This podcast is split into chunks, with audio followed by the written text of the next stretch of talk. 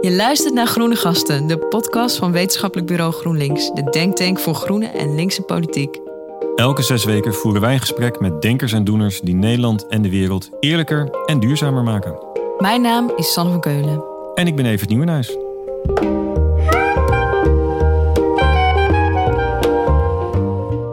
De emancipatie eigenlijk pas voltooid als je in je eigen omgeving hele middelmatige managers uh, kunt aanwijzen die vrouw zijn. Ja. Want dan zijn ze met evenveel, uh, met e de, e gelijke toegangseisen tot die functie gekomen. En dan was de selectie gewoon. Ja.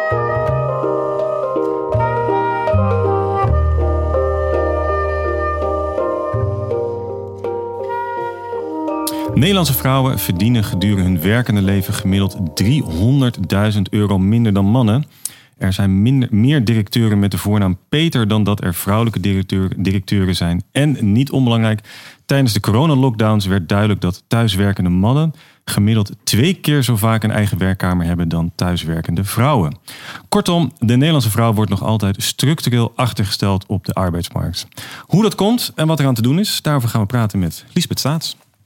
Welkom Liesbeth. Dankjewel. Jij bent uh, journalist, vroeger onder andere van Brandpunt. En uh, je maakte de spraakmakende televisieserie Waarom uh, werken vrouwen niet? Nu recent is jouw boek uitgekomen Waarom vrouwen minder werken dan mannen en dat ook jouw probleem is. Um, daar gaan we het in de podcast over hebben. Persoonlijk vond ik het heel herkenbaar en ook wel confronterend. Oké. Okay. Um, maar daar gaan we het straks vast over ja, hebben. ben benieuwd. Denk het wel, ja. ja. Hey Elisabeth, in je boek beschrijf je dat je bij de tandarts een standje krijgt omdat je kinderen niet kwamen opdagen bij een afspraak. En toen ontdekte je een, ja, laten we zeggen, een systeemfout in onze samenleving waardoor vrouwen minder vaak werken dan mannen. Vertel, wat, wat gebeurde er bij die tandarts? Nou, daar ging iets aan vooraf. Um, ik werd gebeld op een uh, woensdag. Uh, waar zijn jullie? Door de tandartsassistenten. En kennelijk werd mijn jongste zoon verwacht bij de tandarts. En nou, die afspraak hadden we dus gemist. Ik zei, oh, sorry, nou, mij niet bekend, stond niet in de agenda. En, uh, dus ik verexcuseerde me en zou, maakte een nieuwe afspraak. En later kwam ik uh, thuis en toen vroeg ik aan mijn man... Ja, wist jij iets van die tandartsafspraak? Oh ja, zei hij, die heb ik gemaakt. Maar uh, ja, sorry, vergeten op te schrijven. Nou ja, kan gebeuren. Ik ga, ga, vervolgens, ben degene die vervolgens naar de nieuwe afspraak gaat bij die tandarts. En we kwamen binnen en ik kreeg nog even zo'n fijne sneer van... ah, de vorige keer was het niet gelukt, hè? En um, wat ik begrijp, want ja, een, een, een, gat in je programmering als tandarts... dat is gewoon een inkomstenderving. Dus ik zei nog, nogmaals sorry. En uh, ja, nee, misverstand. Mijn man had die afspraak gemaakt, maar niet op de uh, kalender gezet. En toen ontspande haar gezicht. En toen zei ze, ach, vaders. En toen was het helemaal goed. En wat was de systeemfout die je daar. Uh... Nou, uh, de culturele fout was volgens mij dat wij in Nederland uh, vaders totaal verexcuseren als zij tandartsafspraken vergeten. En moeders moeten daar gewoon aan denken en die moeten gewoon verschijnen als die afspraak er is. En die moeten op de hoogte zijn van die afspraak. Ja. Maar, nou ja, ik, ik, maak het nu heel groot bij deze verder prima tandarts. En ze is heel goed. Maar het, ja, vaders mogen gewoon dit soort huishoudelijke dingen vergeten. Mhm. Mm -hmm. En moeders zijn, ook als ze die afspraak niet he zelf hebben gemaakt, toch verantwoordelijk voor het verschijnen van een uh, bloedjes. Ze zijn chef-kind, hè? Zoals je dat. Uh, ja, chef-baby. Dat begint al als je. En, en hoe vertaalt zich dat dan naar die arbeidsmarkt, waar we het gaan over hebben, waar we het over gaan hebben? Deze... Um, ja, dat is een grote stap, maar ja. uh, hij is wel te maken, want dat idee van dat vrouwen hoofdzorg zijn en hoofdkind en hoofd schone sokken, Mhm. mm -hmm. dat um, blijf je altijd voelen waar je ook werkt. Ook al ben je astronaut of um, CEO van een groot bedrijf of uh, wethouder. Of, nou ja, ik noem nu drie uh, voorbeelden die nergens beslaan. Maar op elk terrein, op de werkvloer, word je altijd als vrouw ook um, beoordeeld en gezien als leuke vrouw en eventueel goede moeder of niet. Hm. Dus je hebt met een norm te maken die ook buiten de tandarts. Uh, praktijk en ook buitenshuis en buiten het kinderdagverblijf jou achtervolgt, als je het even negatief, heel negatief wil uitdrukken, um, op de werkvloer. Ja. Ja. En Ja, daar wil ik nog even aan toevoegen dat dat op zich zou je kunnen zeggen, ja, wat is daar mis mee? Maar dat houdt, dat, dat werpt drempels op. Want mensen gaan dan dus dingen voor jou invullen. Van als jij een nieuwe baan krijgt, dan denken ze, ja, maar wil zij dat wel? Want Ze heeft een gezin en gaat, hoe gaat ze dat dan doen met de kinderen? Dat Ja. gaan mensen allemaal voor jou denken. Ja, de bekende vraag die vrouwen altijd krijgen als ze hard werken met drie kinderen. Hoe doe je dat? Hè? En, Ja. ja. En mannen niet. Nee. Ja, en dit is wat je nu beschrijft, is natuurlijk echt iets wat in onze cultuur zit. Ehm, en als je ons eens meeneemt en de luisteraar in de belangrijkste cijfers die we eigenlijk moeten weten, wat, wat is nou het maatschappelijke Ja. probleem? Ja, hoe- wat we hoe hier groot is het de- probleem? Ja, want dat, Ja. dat is ook meteen heel goed om dat even te tackelen. Want ik krijg best veel kritiek ook van mensen die zeggen... ehm, waar bemoei jij je mee? Ja, Dit ja. is een privé kwestie, hoe wij thuis werk en zorg verdelen. En ik vind het fijn om eh, heel, nou ja, 20 uur te werken of eh, niet te werken. Ja, wat, is, wat heb jij daarmee te maken? Nou, ik vind het inmiddels een maatschappelijk probleem, omdat eh één op de drie vrouwen, ruim één op de drie vrouwen in Nederland, economisch niet zelfstandig is. En dat betekent dat ze samenleven met iemand van wiens inkomen ze dus mede afhankelijk zijn, of een andere vorm, een, eh, nou ja, een- een- ouders die bijspringen, of weet ik veel. maar- Overheid. of de overheid, ja. Ja. Maar dat ze dus eh, minder dan 900 euro, want dat is de grens die de overheid stelt aan economische zelfstandigheid, minder dan die 900 euro per maand aan eigen inkomen hebben. En dat is al best wel weinig. dat is wel heel weinig. Ja. Want het is heel moeilijk om daarvan rond te komen. Maar zolang je natuurlijk samen woont met iemand die meer verdient, zou je dat eh, en je, en je eh, leeft van zijn of haar inkomen, dan kan dat natuurlijk heel goed. Maar het proble- probleem is dat ook een op de drie huwelijken kapot gaat, strand. En dat zijn dan alleen nog de geregistreerde huwelijken Ja, en dan heb je partnerschappen. niet over de samenlevingscontracten. Nou ja, Ja. dat is dan nog een contract wat je zou kunnen ontbinden. Maar heel Ja. veel mensen wonen gewoon samen. Zonder dat daar iets eh, over vastgelegd is. En dus die kans dat je relatie strandt is reëel.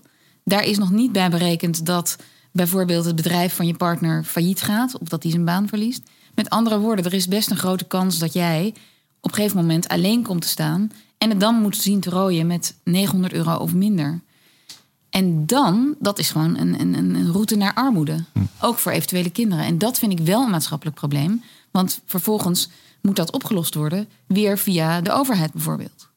En, en, en los of dat nou ergens dat mensen dan steun zoeken van de overheid. Het is voor jezelf verschrikkelijk. Want als je een nieuw leven wil beginnen, begint dat met een dak boven je hoofd. En als dat al heel lastig is om te vinden, of je moet uitwijken naar plekken waar, je, waar het heel onhandig is om te wonen of waar je niet wilt wonen. Ja. Ja, ik vind dat wel een maatschappelijk probleem. En wat mist Nederland als eh, nu zoveel vrouwen eigenlijk maar voor de helft werken of minder? Als land. Ja. Nou, talent. Mhm. Ehm, meisjes en vrouwen studeren eh, sneller en beter. Er studeren meer meisjes in, inmiddels. Bijvoorbeeld op de universiteiten zijn meer meisjes nu eh, vrouwelijke studenten dan mannelijke studenten. Dus we leiden ze heel goed op. Dat Ja. gaat heel goed. Ja. En vervolgens verdwijnt een deel daarvan Ja. op de arbeidsmarkt. Ja. Dat is do- doodzonde. Ja, ik vond ook dat je in je boek dat ook wel mooi beschrijft. Hè? Dat die, dat, nou, wat je precies net wat je ze- zegt. Op de middelbare school doen ze het beter. Op de universiteit doen ze het vaak beter. En na je eerste HR-gesprek, zeg maar, ben je de, Ja. al die, voorst, als, eh, wordt Die het- voorsprong. die ben je al een beetje kwijt. Ja. En eh, ja, Ja, het is net alsof je als je op je eerste dag gaat werken en je komt bij een kantoor en je moet daar eh, toegangspasje ophalen, et cetera, en de parkeerkaart of je, de lunchpas, weet ik veel. Dat je daar bij dat gesprek ook je voorsprong van je hele opleiding vanaf de brugklas inlevert. ja. Want kun je dat een beetje schetsen? Dat, dat vind ik dat je dat in je boek ook heel mooi doet. Dat je, eh, als, eh, of in ieder geval ook wel schokkend, dat als eh, vrouwen kinderen krijgen, of in die leeftijdscategorie, dat mannen dan vaak juist meer gaan Ja. werken en de vrouw minder. Hoe, hoe zit dat? En welke cijfers daarbij zijn belangrijk om even de, de omvang van het Ehm, probleem te krijgen? Nou, in die leeftijdscategorie, dus, dus nou ja, zeg tussen de 18 en 25 geldt het vooral voor vrouwen. Dat die, dus zou je zeggen, nou, er zijn weinig vrouwen die dan al zwanger zijn of samenwonen. Meisjes gaan dan al parttime werken, zonder dat ze verplichtingen hebben in zorg of eh, mantelzorg of eh, andere dingen. Dat is al heel opmerkelijk. En als in de leeftijdscategorie van mannen en vrouwen die eh, kinderen krijgen, dus tot je 35ste of zo, dan gaan mannen in die jaren meer werken en vrouwen heel veel minder. Ja. Je kunt eigenlijk er gewoon vergif op innemen dat bij het eerste kind vrouwen uren gaan inleveren. En op zich is dat natuurlijk helemaal niet zo raar dat, dat je als je kinderen krijgt, dat je dan opnieuw naar je leven kijkt. Wat vind ik belangrijk? Waar, waar wil ik mijn uren, schaarse uren aan de dag aan besteden? Maar het is gewoon heel raar dat dat alleen voor vrouwen geldt. Zie je daar trouwens nu bij jongere generaties een verschil in? Dat, eh, Ja. dat, dat iedereen een meer ontspannen leven wil? Of, Ja, maar dat, dat, dat, de zogenaamde millennials, zeg Ja. maar. Ja, maar daar, dat is echt mijn indruk dan. En wat ik daarover lees in artikelen, maar niet... Daar kan ik geen hard. Ja. onderzoek eh, over op tafel leggen. Maar die generatie kijkt wel heel, sowieso heel anders naar werk. Mhm. Dus daar, ik, ja, daar zal wel ook daar op dat vlak een verschuiving zitten. Ja. Dat, ze, dat ze minder belangrijk vinden om eh 80 uur per week te werken om carrière te maken. Ja, maar dat lost het, het hele issue niet, niet Nee. automatisch op natuurlijk. En wat, wat zou, want daar zat ik zelf nog heel erg op te puzzelen van... En wat zou nou het maatschappelijke doel moeten zijn van eigenlijk dit gesprek met elkaar? Want ik heb het idee dat we ehm, ja, over de afgelopen decennia ook wel dit gesprek met elkaar hebben op verschillende manieren. Ehm, wat, wat zou wat jou betreft het doel moeten zijn? Gaat dat over dat vrouwen niet financieel onafhankelijker worden? Of gaat het over ehm, meer vrouwen aan de top? Of wa- waar zouden we ons op moeten richten? Ehm, nou, dat. eh, nou, kijk, voor vrouwen aan de top, dat is een, een deel van het probleem, hè? Want die top is niet zo groot. Tenminste, ik heb ook geen ambitie om CEO van eh grote Niet? corporate te worden. Nee, dat eh, raad ik iedereen af om mij daarop aan te nemen. Maar ehm, dus dat, dat gaat eigenlijk om niet zo heel veel vrouwen. Maar daar, het, het is wel een heel mooi beeld dat dat niet lukte om ondanks al die hoogopgeleide vrouwen eh, die, die, die top diverser te maken. Dus daar is nu een vrouwenquotum voor. En dan lukt het wel. En dan blijken die vrouwen met talent er opeens wel te zijn. Want anders zie je ze dus kennelijk niet. Maar wat daar gebeurt, kun je eigenlijk over de hele, eh, de hele arbeidsmarkt, op de hele arbeidsmarkt projecteren. Dat er dus allemaal hindernissen zijn die vrouwen tegenhouden om werk te doen waar ze heel goed in zijn. Zorgen dat ze economisch afhankelijk, onafhankelijk zijn. En eh, hun talent in te zetten. En ik denk dat het gesprek, dat, dat hoop ik, dat dit thema, en er verschijnt meer over dit thema gelukkig, dat dat helpt eh, om die culturele ehm, mechanismen heel helder te krijgen. En dat, dat we daar nog eens van kijken, ja, waarom hebben we dat in godsnaam in stand gehouden? Waarom doen we het zo, zoals we het doen? Waarom is die tandarts zo anders voor vaders als voor moeders? Ja, Bijvoorbeeld. Ja, en ook, nou, en laat ik dan mm, ook naar mezelf kijken. Vrouwen moeten ook echt naar zichzelf kijken. Ik voel me kennelijk dus ook aangesproken. Want ik schiet meteen in de verdediging. In zo'n tandartsruimte, snap je? Ik laat me daar dus ook op aanspreken. Ja, ja dat, is ook, dat vond ik ook een heel mooi vo- voorbeeld met het rolkoffertje. Misschien kun je dat nog even vertellen. Oh, ja. Ehm, ik, kwam, eh, ik werkte voor Brandpunt en hè? ja, actualiteitsprogramma op de televisie. We deden veel buitenland, dus we gingen veel naar het buitenland. En ehm, ik was een paar dagen weg geweest, kleine week. En opeens had ik door dat het vliegtuig, als alles goed zou zijn, zo, zo zou landen op eh, Schiphol dat ik nog op tijd op het schoolplein zou kunnen zijn. Dus onderweg, en als ik had met de oppas afgesproken, nou, als dat lukt, als het geen vertraging is, et cetera, dan eh, app ik je of bel ik je en dan kan ik zelf de kinderen halen. Nou, dus dat lukte. En echt, dat was wel heel scherp aan de wind, maar goed, echt op twee minuten voordat de bel uit zou gaan, zette de taxi mij af op, het, eh, op de hoek van de straat. Maar toen kwam ik daar met een hele zware tas op mijn schouder en een rolkoffertje. En ik, en ik zag opeens zo vanuit een helikopter mezelf dat schoolplein oprennen. Toen dacht ik, ja, dat wil ik helemaal niet. Ik wil helemaal niet zo'n entree maken. En de tijd drong en ik had nog maar één minuut. En toen dacht ik, ja, ehm, hier links van mij is het park. Ik verstop die koffer gewoon even. En dan eh, in de bosjes. En die halen we straks wel op. En dan loop ik gewoon nu zo semi-nonchalant het schoolplein op. Ja, dat zegt al heel wat over de druk die je als vrouw ervaart bij Ja. de keuzes die je maakt. Nou, en het rare is Denk dat mensen denken: oh, je schaamde je dus. Maar dat is het niet. Want ehm, dat schoolplein, dat is een, eh, een schoolplein waar eh, echt niet alleen maar moeders staan. En ook niet, en heel veel moeders werken daar. En er staan vaders en oppassen en nou ja, you name it. Maar kennelijk was de Nederlandse norm op dat moment zo sterk dat ik daarvoor zwichtte of daarvoor boog. Snap je wat ik bedoel? Ja, dus, dus kijk, als je zegt, ja, je, je moet je gewoon, als, als het schamen is, dan is het makkelijk op te lossen. Want dan hoef je je niet, stop met schamen, weet je wel? Maar dat is, het is dus, het gaat dus iets verder dan dat. Want er is dus kennelijk iets waar ik mee ben opgevoed, omdat ik in dit land ben opgegroeid. Dat maakt dat als ik onder druk een beslissing moet nemen, de moeder die gehaast het schoolplein op komt rennen. Ja. En, en je kunt op dat moment aan haar zien dat ze aan het werk is geweest, dat je er daar dan niet voor kiest. Dat je er tekort schiet eigenlijk. Dat je tekort Ja. doet. Ja. En vaders zouden dat minder hebben. Die kunnen wel met een rolkoffertje het schoolplein op. Oh, die zouden applaus krijgen. Ja, ja dat Wat is al wat goed. fantastisch Ja, dat je er bent. Ja. Ja, nou ja, ik vind het ook wel interessant, want in jouw televisieserie komen ook een aantal keer vrouwen aan bod die. ehm, eh, je hebt dat businessclubje en eh, eh, eh, ik ben haar naam even kwijt, maar die dame die ook jonge vrouwen dan eh traint. En die Oh, van de balans, eh, ja, Ja. Elske Doets, ja, en van de balans terugjes. En eh, ja, voor mij ergens voelt het van, oké, of ehm, nou, je moet je als, als vrouw eh, dan inderdaad soort van gedragen als een man. En dan ehm, Kom je er wel? kom je er wel en dan negeer je zeg maar hè, al die culturele normen.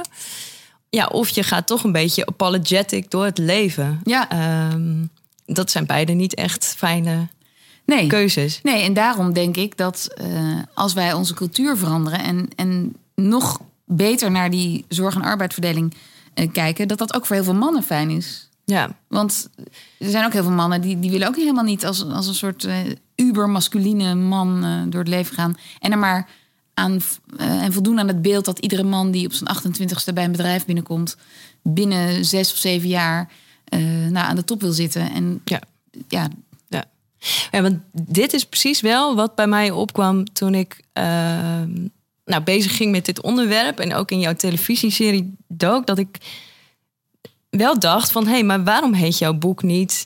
waarom mannen te veel werken... Ja, dat, dat, en ik dacht, dat waar is de ook jouw man? probleem dacht ik. is. Ja. En waarom, Ja. we- hè, waarom hebben we het nog steeds... en daar heb jij vast een uitgesproken mening over... waarom hebben we het nog steeds over vrouwen de Ja. hele tijd? Nou, ik wil heel graag bij deze een oproep. Nee.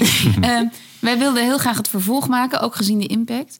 Ehm, waar, met een serie met de titel Waarom doen mannen niks? Dus waarom zorgen mannen niet meer? Want dat is zo met dit onderwerp verbonden. En in die eerste vier afleveringen hadden we genoeg eh, vlees aan het bot om eerst het hele probleem in kaart te brengen. En ehm, nou, daar zaten zoveel facetten al aan. En ik vind dat mannen ook een eigen serie verdienen. Want daar ben je ook niet met één afleveringetje. En kun je al een voorschotje nemen? Wat, wat- waarom, waarom Nou, doen mannen niet meer? In de... eh, omdat mannen ook nog steeds aangesproken worden op die rol van kostwinner. Hm. Het is ook, eh, ja, ik had een, een, een collega van mij en die zei, eh, die werkten samen en die doen ook heel erg um, eh, alles samen met twee hele jonge kinderen. Maar ze zijn alle twee freelancer en zijn vriendin was het afgelopen belastingjaar opeens de kostwinner geworden. Oh ja. Die verdiende echt meer dan hij. En hij zei, ja, dat stak mij gewoon. ja. Terwijl we zo erover eens zijn dat we alles samen willen doen en de dagen verdelen, et cetera. Maar ik kon dat toch niet hebben. Ja. En ook dat is een culturele norm. Ja.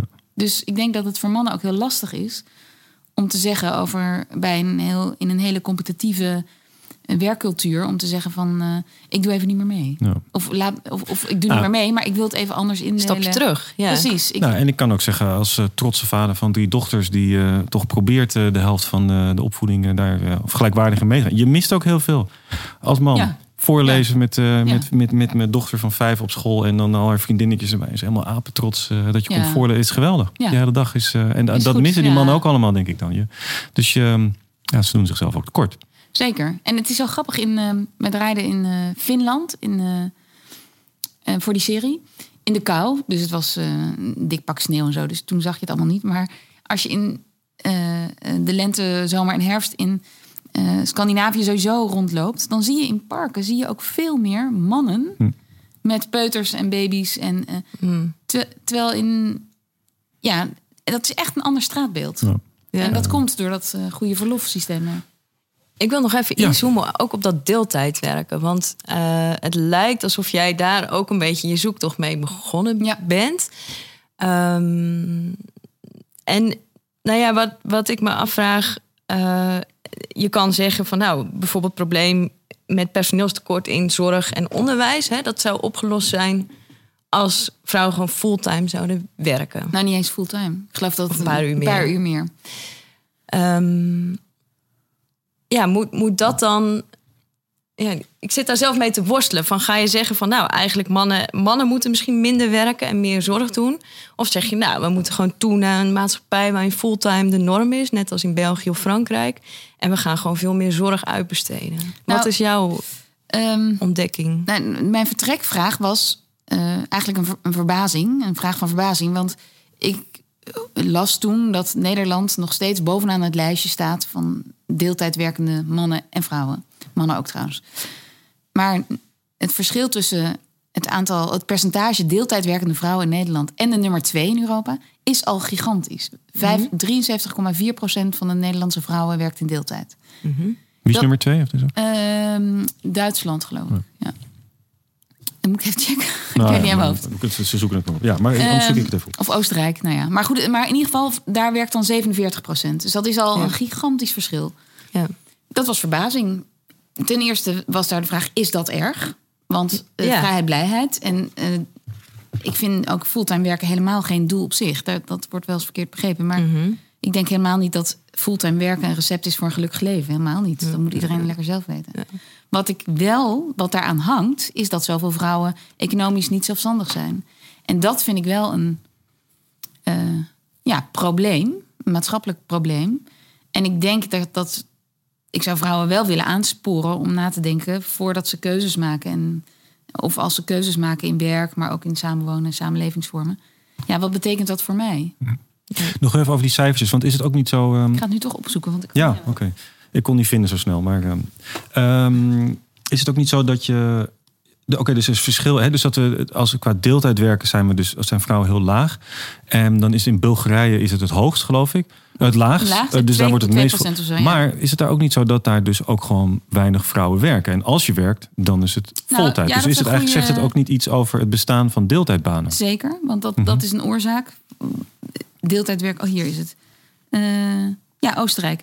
Nederland 73,4% in deeltijd. En in Oostenrijk 47,8%. En Bulgarije, wat jij noemt, 2,1%. Ja. Maar dat zou, dat zou- toen dacht ik eventjes van ja, maar Ja. misschien werken vrouwen daar überhaupt eh, nou, niet. maar dat, dat. Maar dat weet ik niet. Maar In Nederland werken heel veel vrouwen wel. Mhm. Dus de vrouw op de werkvloer is gewoon een heel algemeen Ja. geaccepteerd dat gaat fenomeen. goed, zeg maar. Ja, ik geloof dat eh, bijna tussen de 75 en 80 procent Ah, of ja, zo van de vrouwen een aantal uur werkt. Ehm, dus de toegang tot de arbeidsmarkt, zou je kunnen zeggen, is, is redelijk eh, makkelijk. Ja. Ehm, wat was je vraag ook weer? Nou, eh, dat weet ik ook niet meer. Ja, weet ik wel. Of dus ook niet. eh, aan de ene kant kan je zeggen. Eh, eh, nou, of die lage deeltijdcijfers ook niet iets zeggen dat in, in Bulgarije dus uiteindelijk gewoon weinig vrouwen werken. Dus in Nederland werken best veel vrouwen. Alleen als ze werken, dan Ja. werken ze in deeltijd. Nou, in Bulgarije is het dan zo dat, dat veel vrouwen werken. ook. Ja, oké. En dat Ook komt veel. nog, het oude communisme is daar nog Ja. Er zit daar iets anders ja, in. Ja. oorzaak van. Ja, iets anders. Wat ik, ehm, eh, ik moest denken aan mijn zus. Mijn zus die heeft een zware baan, werkt zich de tyfus. En, ehm, en als ik het met haar over heb, zegt ze van... ja, maar die vrouwen kunnen toch ook doen wat ik doe? Ik zie het probleem niet. Als je wil, dan kan dit. Ja. Je moet het thuis regelen, inderdaad. Ja. Maar kan. Ja. Wat zou jij dan zeggen? Eh, nou, dat, daar heeft ze gelijk in. Mhm. het, het kan. Eh, en, maar dat, dan oordeel ik heel erg vanuit mezelf. Want er zijn natuurlijk allemaal redenen. Als je een kind hebt met iets meer zorgbehoeften... of ehm, een partner met wie je andere afspraken maakt. Het kan, als het kan. Ja, dat klinkt een beetje flauw, maar als je het... Als je, En je moet wel een beetje tegen de stroom in. Nou Ja. ja, dat, is- is, dat is eigenlijk het, eh, Ja. het punt van het boek ook. Dat als je Ja. die keuzes wil maken, zoals... eh, Een heel groot deel verlies je dan. Als die dus niet Ja, je dat moet allemaal gewoon mee tegen hebben. de stroom zwemmen. Want de, de opvang is, eh, moet je regelen, maar is altijd een gedoe. Nou, we hebben een hele toeslagenaffaire achter de rug. Maar Mhm. eh, ook qua tijd, ook gewoon praktisch. In de ochtendspits, in de avondspits. Je moet heel veel regelen om dat werken heen. En Ja. dat is wel gedoe, maar het kan wel.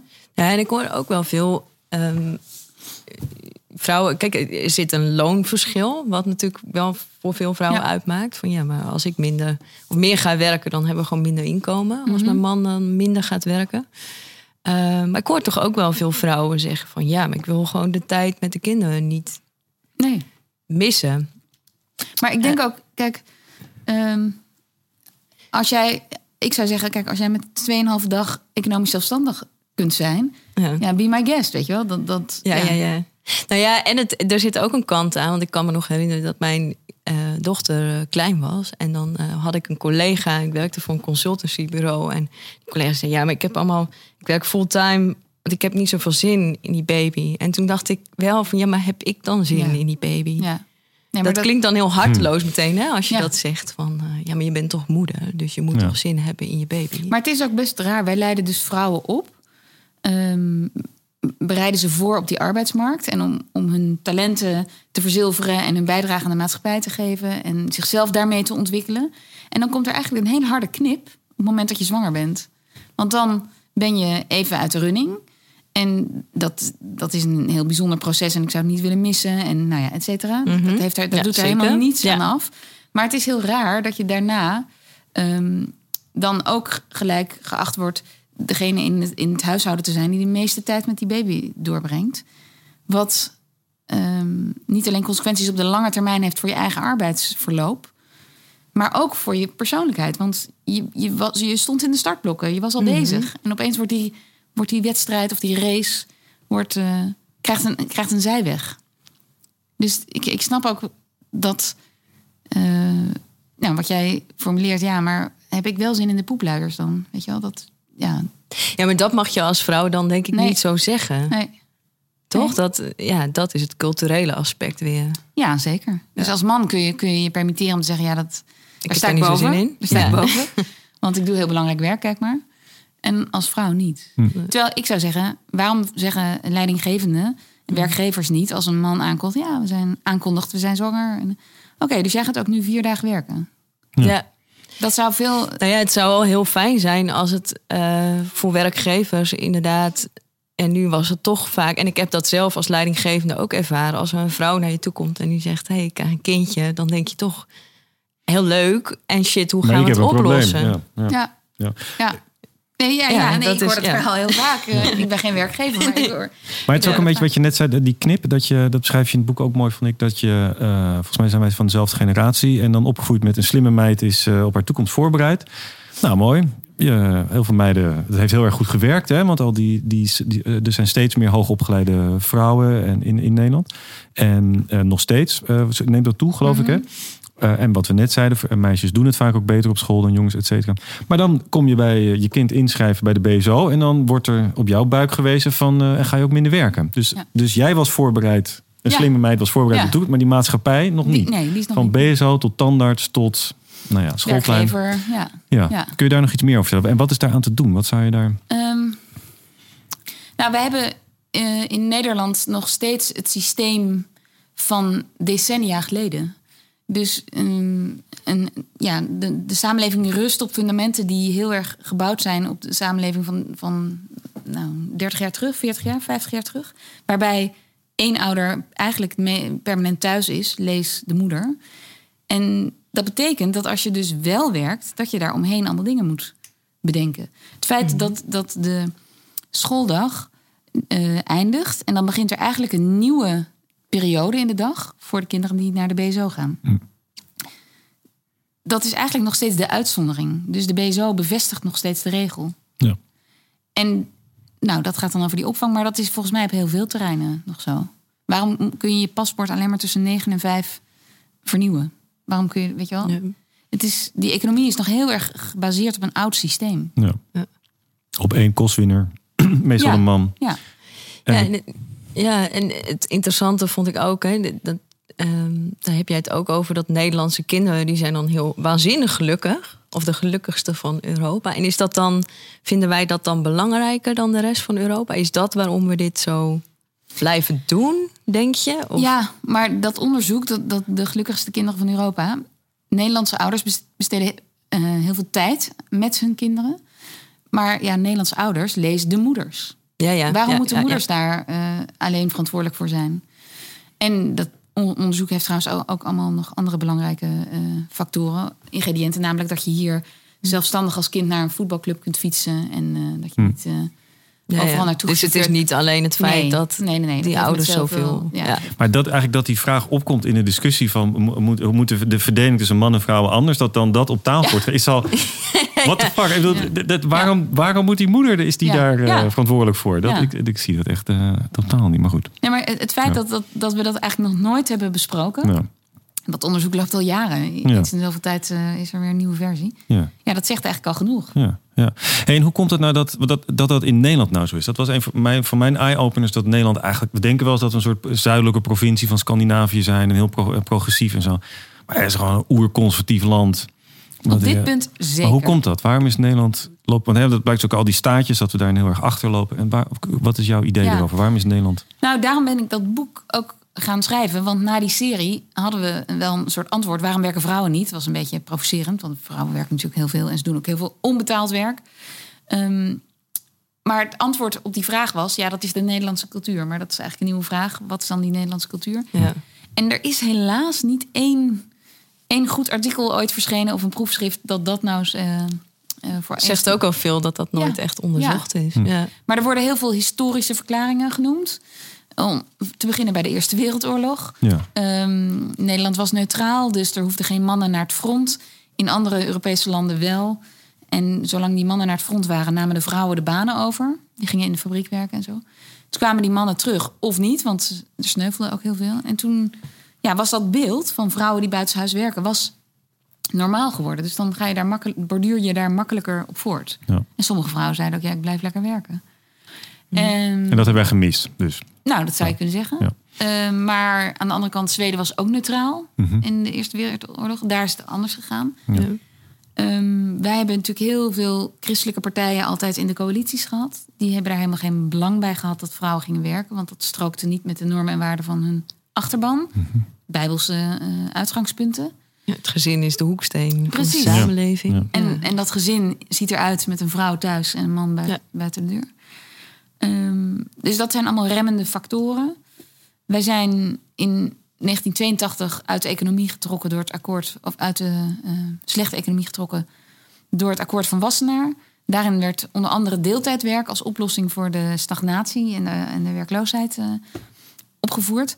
Nou, daar, daar doken alle vrouwen op, op die deeltijdbanen, want dat combineerde zo lekker met school. Ja. Ja, dat zijn allemaal factoren die er eh, mee te maken hebben. En denk ik, we hebben het in Nederland ook best goed, hè? Eh, heel lang gehad. Dus zolang de, de economische noodzaak er niet heel erg is, ja, hoef je ook niet zo te werken. Over, die, over dat staatje de, eh, deeltijdvrouwen, werkende vrouwen. Er is een uitzondering. Vrouwen met Antilliaanse en Surinaamse achtergrond, die werken veel meer. Die, werken, die hebben soms wel twee banen. Hm. Hoe komt dat? Ja, eh, ik denk economische noodzaak voor een groot deel. En ook cultuur. Namelijk? Nou, je moet gewoon werken voor je, Ja, ja. voor Ja. je, voor je brood. En, en ouderschap of moederschap vertaalt zich niet zo in de uren de, eh, dat je met je kind eh, naast het hockeyveld of het zwemles staat. Ja. En is het, is het dan wel zo dat in andere landen, hè, echt al best wel in onze buurlanden, waar vrouwen veel meer fulltime werken, daar is nog steeds, denk ik, wel eh, bijvoorbeeld een loonkloof. Ja, ja. Dus, ja. dus andere ongelijkheidskenmerken nee, zijn er die zijn helaas dan niet opgelost. Nee, Ja, nee, nee. Maar nee, dat, en dat eh, wordt op Europees niveau ook aangepakt. Ehm, maar het betekent wel, ja, als je in dit, dat deeltijdprobleem, als we ons daar niet, of probleem, dat het deeltijd leidt tot het probleem dat vrouwen economisch niet zelfstandig zijn. En dat zou ik iedereen op het hart willen drukken. Denk daar harder over na, want dat hoeft echt niet in Nederland. Toch hoor je weinig protest erover. Het zijn, eh, je hoort weinig vrouwen daarover klagen. Het zijn, de, jouw boeken en jouw serie vallen op. Ja. En dan komt er wel heel veel discussie over.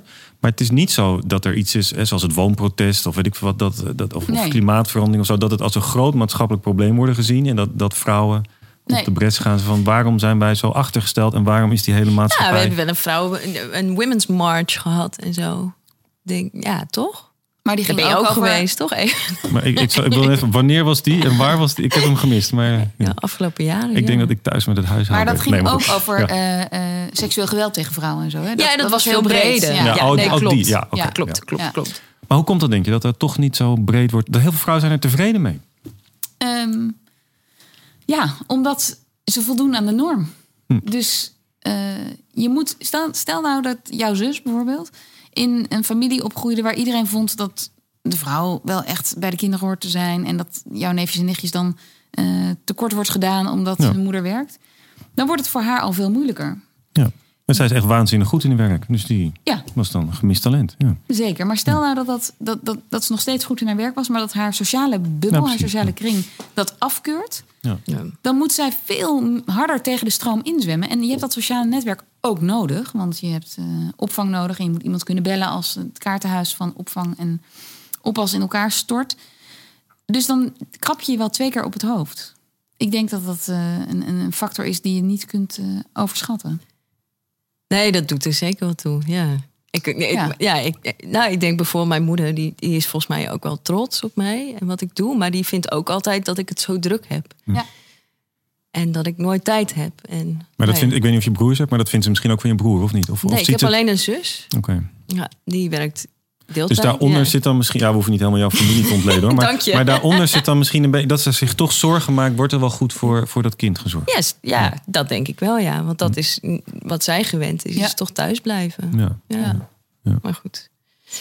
Ja, wat ik, wat ik ook nog wel een grappig fenomeen eh, vind, wat jij ook aanhaalt, ehm, hè, is die, die vrouwen. Dus ik denk ergens misschien moeten we het meer over mannen hebben, dat zeg je eigenlijk ook.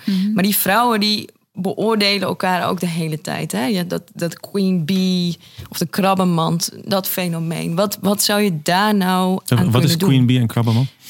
Ja, kun jij dat uitleggen, Oh. Lisbeth? Eh, ja, de krabbenmand, die haal ik trouwens niet aan in mijn boek. Maar dat is het idee dat ehm, vrouwen elkaar naar beneden halen. Dus als een van je directe collega's heel snel carrière wil maken en die ook maakt, dan gaan andere vrouwen zeggen: Jezus, wat een high bye of eh, wat een. eh, eh, nou ja, dan, dan, dan wordt dat eigenlijk niet geaccepteerd en zeker niet toegejuicht. Ja, want, want een krabbenmand, hè, als je krabben in een mand gooit... dan komen ze er nooit uit, omdat ze zichzelf altijd weer naar beneden trekken. Ja, dus als je je- hoeft er geen je- deksel op te doen. Als je een krab, één krab in een emmer zet, Ja. die komt eruit. Oké, ja. Maar zodra er meer krabben zijn, Dan, trekken eh, die hem naar beneden. Degene die eruit wil. Ja. Dus die gunnen elkaar de, de vrijheid niet. Oké. Nou, dat, En queen bee is weer wat anders, hè? ja, Queen Bee is een fenomeen wat nu weer anders wordt genoemd in de sociale psychologie, geloof ik. Maar eh, het is een fenomeen dat onder die naam bekend is geworden. Dat als één vrouw, eh, bijvoorbeeld Margaret Thatcher is een goed voorbeeld, ehm, de top bereikt, dat ze dan ook alleen nog maar met mannen gaat werken. En aan vrouwen de eis stelt dat ze ook een soort man worden. Dus ik ben daar gekomen. Ja. En nu moet iedereen op mij lijken of op de man omheen. Ja. Ja, dat zag je ook wel een beetje terug, hè? In die, die, die dames die je interviewde in dat businessclubje. Vond ik. Eh, nou, da- daar, daar, was, daar was heel erg ehm, de, de, de toon van eh, het kan, kijk maar. Mhm. En het kan ook. Maar het zou zonde zijn, denk ik, als iedereen zich moet gaan gedragen als een man. Mhm. Een, een zonde, dat is gewoon belachelijk. Ja, Ja. nee, eens. Nou ja, je zei ook hè, de, de werkomstandigheden. eh, Oh ja, die was ook wel die, die, die, die, Ja. nou ja, daar moeten we het denk ik nog wel even over hebben. Over die werkgevers en hun rol. Want de werkomstandigheden eh, ja, zijn ook natuurlijk heel erg gericht op mannen. Dus als zo'n vrouw dan ervoor wil gaan en die gaat naar kantoor... en dan heeft ze het structureel te koud bijvoorbeeld. Ja, nou moet je even uitleggen. Hoe zit dat ook weer met die thermostaat? Ja, ehm, eh, er bestaat zoiets als eh, de standaard kantoor eh, klimaatregeling. En dat vond ik echt het meest insane. Ja. Ja. ik had er nog nooit Ja. van gehoord. En die is vastgesteld in de Verenigde Staten in de jaren 60. Zo van hoe warm of koud moet het op een kantoor zijn. En toen hebben ze daar als maatstaf voor genomen eh, een man van in de 40 en die 70 kilo of meer weegt. Nou, en dan rolt daar dus een soort standaard klimaat uit. En daar worden alle airco's standaard in de fabriek op ingesteld. Dus als je een airco krijgt, is dat de temperatuur. Dat betekent in New York dat vrouwen, die ook steeds meer de werkvloer zijn eh, eh, gaan betreden, het standaard 5 graden te koud hebben. Dat is toch- Ja, ja, Ja, dan kan je niet super lekker werken Nee. als je gewoon zit te Nee, koukleumen. Maar al op de redacties waar ik eh, altijd gewerkt heb. Is het, e- kun je ze echt eruit halen. Ja, ja. Er zitten heel veel vrouwen met nog een vestje of een jasje nog extra aan. Ja, of, ja, ja. eh, ik hou, ja. En het is dan heel erg van, ja, vrouwen zijn altijd koukleumen. ja. Ja, ja. Maar goed. Maar, ja, andere stofwisseling, dus andere temperatuurregelingen in het lichaam. Ja. Maar goed, dat, dat is dan een hilarisch voorbeeld. Maar er, er zijn dus meer voorbeelden die niet, waarbij je niet even aan de thermostaat kunt draaien, maar die Mm. heel erg zorgen voor een, ja, een, een grond, een, een, letterlijke kantoortuin waar de mannelijke planten lekker in kunnen bloeien. En de, Mm. de vrouwen, vrouwelijke moeten iets meer moeite doen. ja. Ja. Als we een beetje naar oplossingen kijken. Dus het is, het, eh, het is een economisch probleem, het is een cultureel probleem. ehm, het is persoonlijk, nou, et cetera. En, en wat, wat voor zo'n oplossingen zijn er? Ben je iets tegengekomen in het buitenland? Eh, meestal al het goede komt altijd uit Scandinavië. Ja. Maar is, is, heb je daar iets gezien van, nou, dat is nou iets waar we... Nou, ik denk wat, wat het fundamentele verschil is, want ze hebben ook een heel goed kinderopvangsysteem en zo. Mhm. Maar wat er fundamenteel goed geregeld is, vind ik, is dat zij eh, het bevallings- en zwangerschapsverlof verdelen tussen man en vrouw. Ja. Dus vrouwen krijgen net als hier eh, zoveel maanden om fysiek te herstellen. Maar er, de, eer- het eerste jaar van het kind, en in Finland is het dan weer net even iets meer. En in Denemarken ook. Of nou ja, maar in ieder geval laten we uitgaan van een jaar of iets meer maanden. Ehm, hoeft een kind niet naar de opvang. Krijgen ouders eh, tijd om bij het kind te zijn. En dat mag je onderling verdelen. En dan is er ook nog een hele directieve maatregel. Mannen, moet, vaders, moeten daar vier maanden van thuis zijn. Van de twaalf. Ja, of Ja. 15 of, of, eh, of eh, Ja. een, ik geloof, ik weet even uit, Dus uit niet de helft, maar wel een substantieel deel. Ja, Ja. want anders gingen die mannen dat in de zomermaanden. eh, oh, dan neem ik ook even twee maanden vrij. Dan hebben we met z'n het nieuwe gezinnetje hebben we twee maanden vakantie. Oh. Maar dat lost niet zoveel op. Ja. Want wat lost het op? Ja, het lost iets fun- fundamenteels op. Want als die vrouw dan weer gaat werken en die man is thuis met de baby, dan ontwikkelt hij hetzelfde verantwoordelijkheidsgevoel en wordt hij ook chef baby. En is het niet alleen meer de zorg eh, van de vrouw. En belemmert het de vrouw dus ook niet om de- in de terugkeer naar de arbeidsvloer, werkvloer, arbeidsmarkt. En ehm, het levert ook heel veel positieve dingen op in de band tussen vader en kind. En op de lange termijn wijzen al die onderzoeken uit. eh, zie je dat mannen en vrouwen veel evenwichtiger verdeeld zijn met zorgtaken en werktaken. Ja. Maar ook hierin zie je nog wel dat, dat mannen toch, ook al mag het, minder opnemen. Hè? Ja, Dus dat- ja, ja, nee, dat is iets. Ja, ik weet niet dat. Ja, dan moet je daar nog voor zitten, nog een stadium eerder of zo. Nou, of het heeft gewoon wat generaties nodig. Dat zou dat kunnen, zou, ja. is natuurlijk somber, maar ja, Ja. soms is het zo. Dat je, ja. Maar goed, en nog andere dingen waar je denkt van, nou, dat zijn goede... Eh, ja, nou, dat, dat, we waren in Frankrijk en filmden daar ook. En daar is, wordt door de maatschappij de opvang van kinderen veel meer als een gemeenschappelijke verantwoordelijkheid gezien. Dus van de hele maatschappij. Ja. En daar wordt ook voor betaald. Hmm. Wij zien het onderwijs, bijvoorbeeld de basisschool, ja, die is gratis en dat vinden we, of dan gratis. Er wordt- De overheid betaalt daarvoor. En dat vinden we heel normaal, want dat is heel belangrijk voor kinderen. Dat vinden we niet van crèches, Ja. eh, eh, buitenschoolse opvang, et cetera. Hmm. Dat, dat is gewoon een, een, een, een andere blik ernaar. En dat doen ze in Frankrijk dus wel. En gaat dat in een land als Frankrijk niet vaak ook ten koste van eh, vrouwen met een migratieachtergrond die dan hun kinderen Ja. ook weer ergens achter moeten Zeg maar, gaat dat, gaat dat niet ten koste van andere vrouwen? Ja, maar die vraag krijg ik best wel vaak. Ja, kan Maar- me voorstellen. Maar Dus- ik, ja. ja. dat is dan mijn eh, gebrek aan inzicht. Want ik snap dat vrouwen met een migratieachtergrond dan de lager betaalde banen eh, Ja. vervullen. Dus de opvang, et cetera. Eh, maar zo, zolang je in een gemeentelijke crash in Parijs werkt, heb jij gewoon een, een, een keurig salaris. Ja. Dus, eh, en er zijn heel veel van die eh noenoes of eh, De nannies-achtige. Ja, die overdag ervoor zorgen. Maar hun kinderen kunnen ook naar de crash.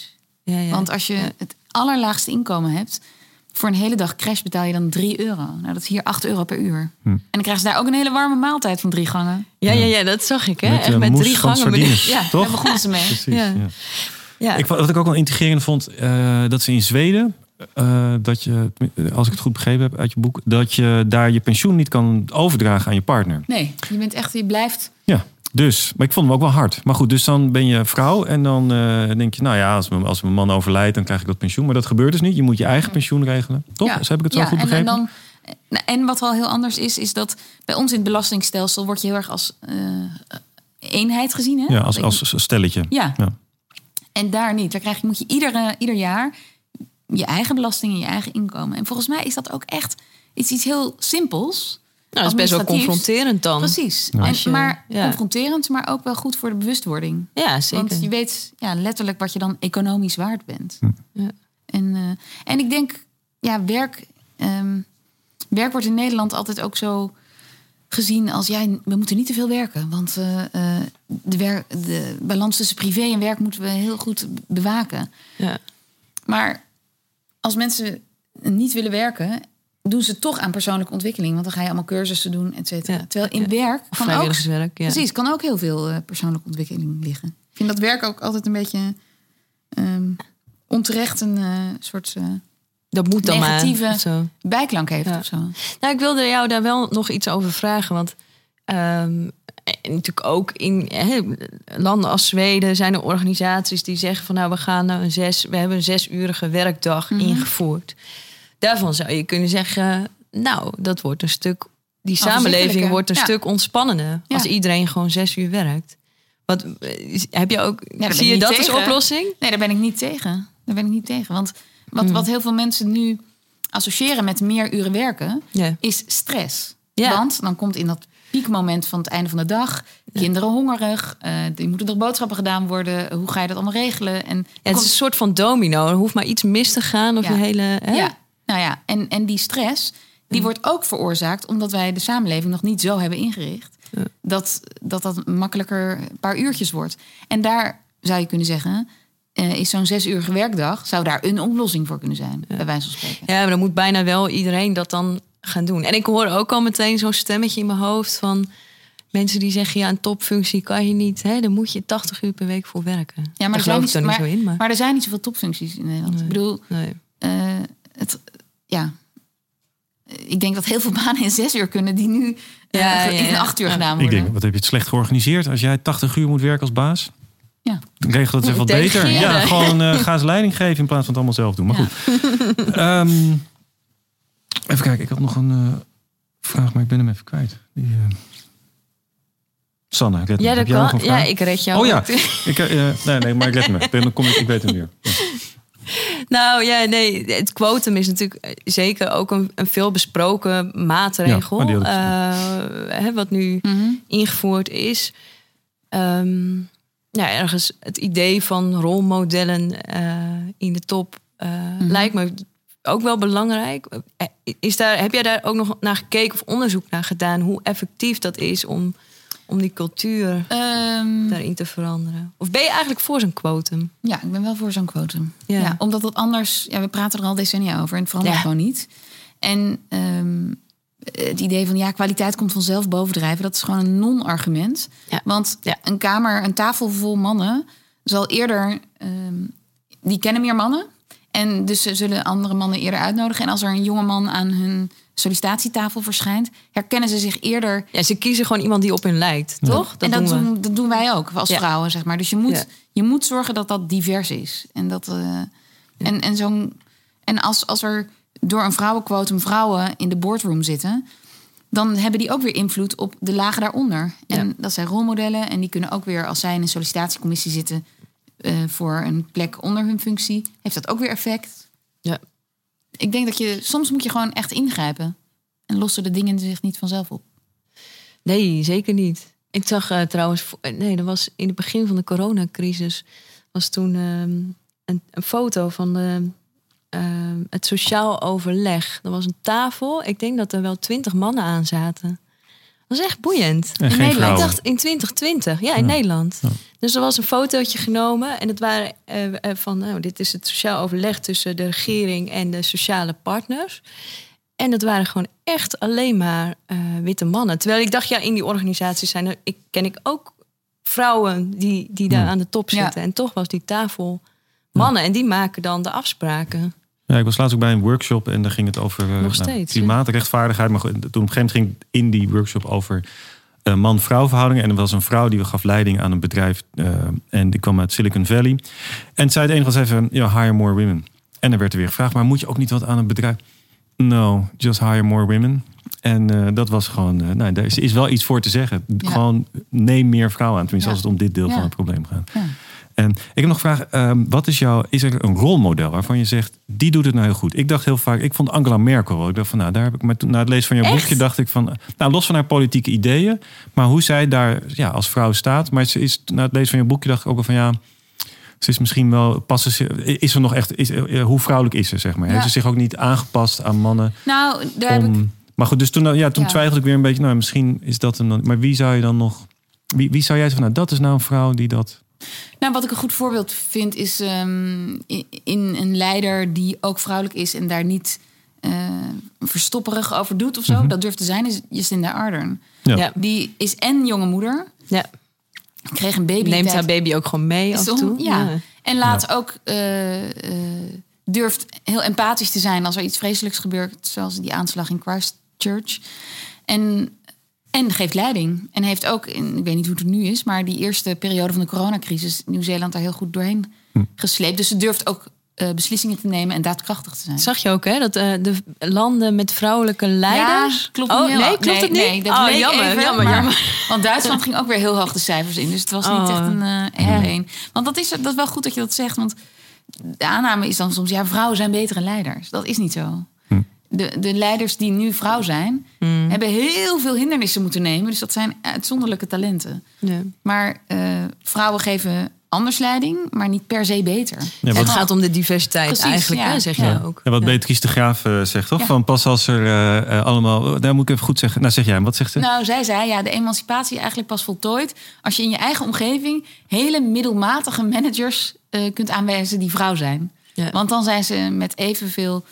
eh, met e- de, e- gelijke toegangseisen tot die functie gekomen. dan was En- de selectie gewoon gelijk. Ja, want Ja. het zijn meestal middelmatige mannen. Ja, ja.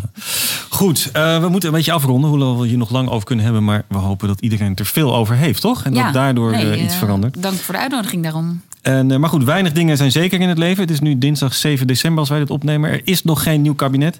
En, eh, maar wat wel zeker is, dat ooit GroenLinks in de regering komt. Ik heb geen idee of je op GroenLinks stemt of, eh, of überhaupt eh, lid Ik bent ben of worden. journalist, dus ik zeg daar helemaal goed. In Engeland zeggen ze dan I vote on the piano. Dan kan je natuurlijk.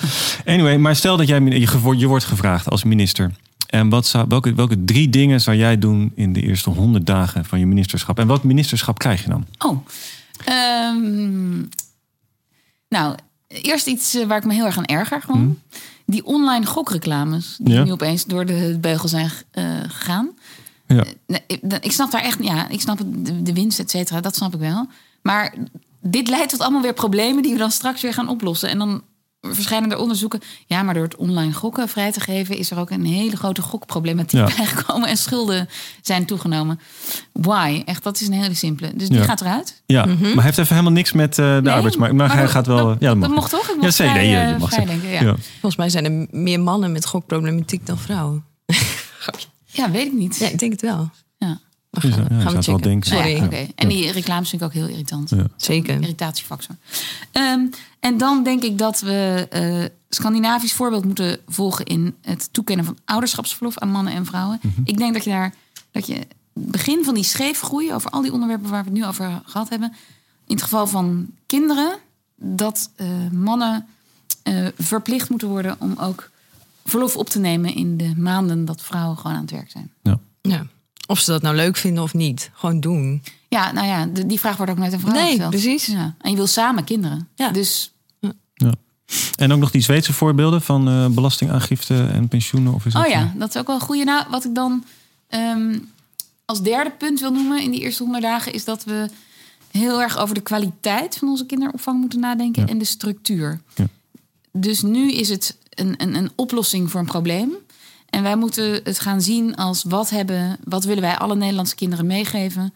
en hoe heb je, zorg je ervoor dat een, een, een, dag voor een kind rust brengt... ehm, ontwikkelingsmogelijkheden. En dat ze niet helemaal overprikkeld aan het eind van zo'n vierde BSO-dag naar Ja. huis komen. Want het is ook heel veel. Hè? Het is Ja. hoe het nu ingericht is. Wat ik ook mooi vond, die, ik weet niet, maar je hoeft hem niet eh, de eerste eh, honderd dagen meteen uit te voeren, maar die noem je ook in je boek. Dat je misschien in het curriculum van, eh, van studies, Ja. Oh ja. eigenlijk in het begin Ja. met, nou goed, vertellen. Dat is dan Ja. punt vier. Ja. Mag hoor.